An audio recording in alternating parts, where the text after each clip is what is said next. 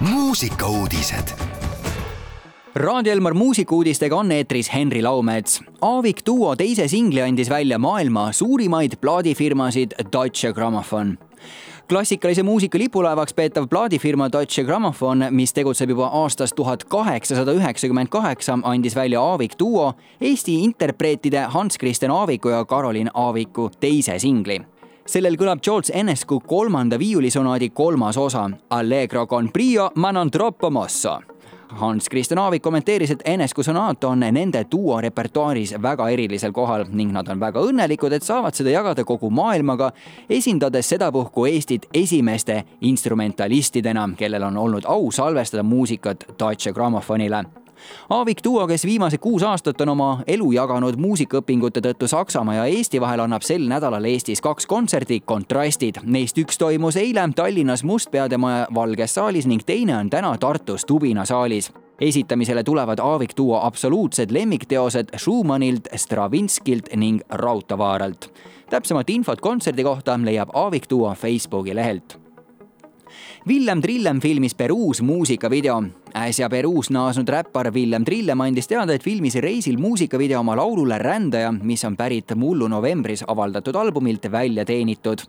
kahekümne kolme aastane Villem Trillem sõnas, et tema arvates tekitab Rändajas toreda emotsiooni laulus kõlav sämpel ning kui lugu ei jää sõnade poolest kummitama, siis ehk meloodialt ja rütmilt muusikavideo paneb kokku Robert Barelo. Villem Trillem rääkis, et laul on väga lühike, aga materjali on väga palju, mis nad kahe nädala jooksul filmisid.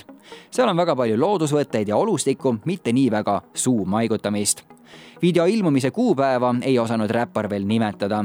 albumi välja teenitud esitluskontsert leiab aset teisel märtsil Kultuurikatlas ja lõpetuseks Merike Susi äratas ellu Elmar Liitmaa sahtlis kaua ootel olnud laulu. muusik äratas ellu laulu Mõttekirjad, mille viimane pühendas oma tütrele. lugu räägib isa mõtetest, kui tantsib tütrega tema pulmas valssi. tegelikult võib seda teemat ka laiemalt mõtestada, sest lahtilaskmine on tihti arvatust keerulisem ja tekitab igal juhul emotsioonide tulva Elmar rääkis, et kohtus Merikesega mõne aasta eest, mil Elmari uus bänd Phoenix oma esimest albumit koostas ja Merike neile pisut abiks oli. Merike tundus parim valik nii lauljana kui muusikuna selle loo esitamiseks head Raadio Elmar kuulajad, meie tänasesse päeva lisabki päikest juurde Merike Susi ja Elmar Liitmaa looga Mõttekirjad. mõnusat kuulamist. muusikauudised igal laupäeval ja pühapäeval kell kaksteist, viisteist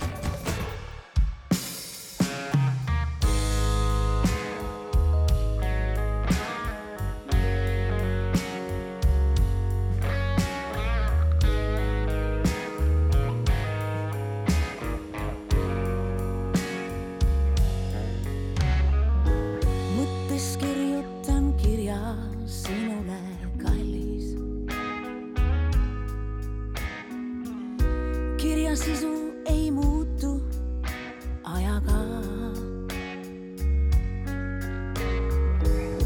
sinust loobuma ma ei olnud veel valmis.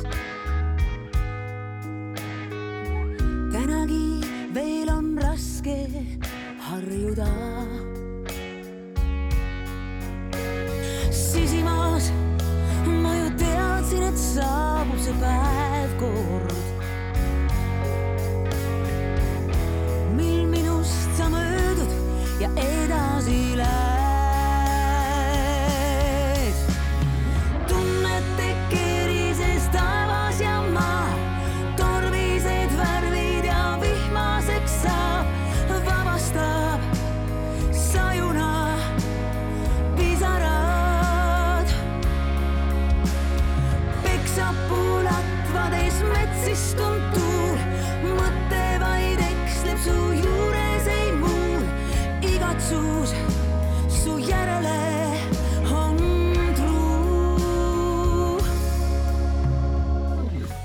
Mõttes kirja sai kõik, mida soovisin öelda.